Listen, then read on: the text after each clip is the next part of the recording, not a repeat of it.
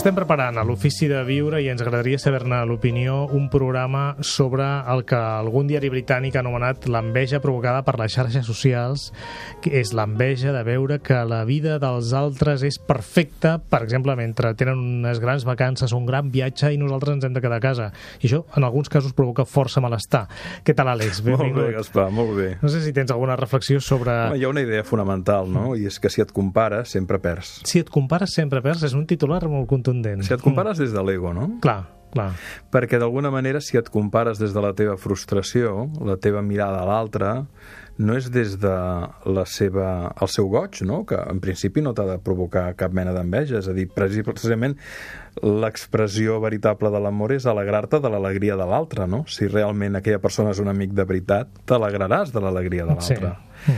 Però però hi ha persones que certament poden caure en la inconscientment en el procés de la comparació contínua i a partir d'aquí avaluar la seva pròpia vàlua o la seva pròpia existència a partir de l'aparença de la vida dels altres perquè Però no hem d'oblidar l'aparença, clar, clar. no- exacte, no, no hem d'oblidar que a lo millor un cop s'ha acabat la instantània un cop s'ha acabat la foto eh, que s'ha penjat a les xarxes socials aquella persona eh, perd el seu rictus d'alegria i entra en una fase trista o també de...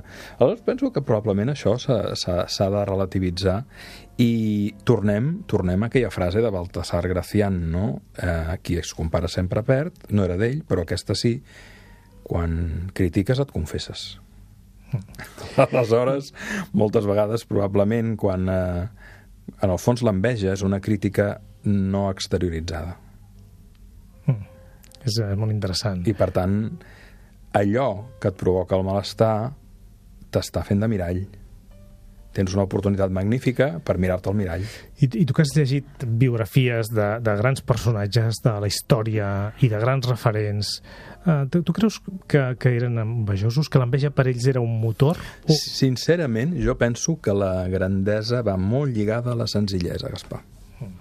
I que, i que les persones realment grans no, que han lluitat pel bé de la humanitat, per l'avanç de la ciència amb rigor, per l'avanç de la democràcia amb la seva vida, eren persones essencialment senzilles i que la seva grandesa eh, deixava...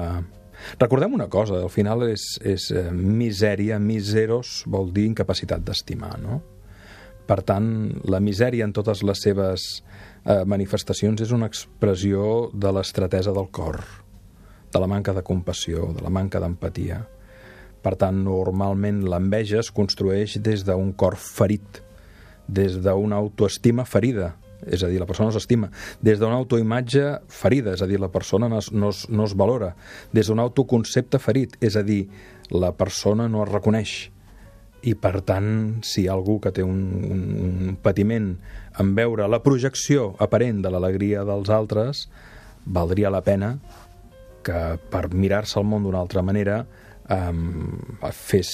Perquè en el fons fes un treball, diguéssim, de, de, de qüestionament, no? En el fons som, mirall davant, som miralls davant de miralls i moltes vegades la nostra interacció en el món, allò que en diem la realitat, és la projecció d'allò que nosaltres portem a dins. Molt interessant.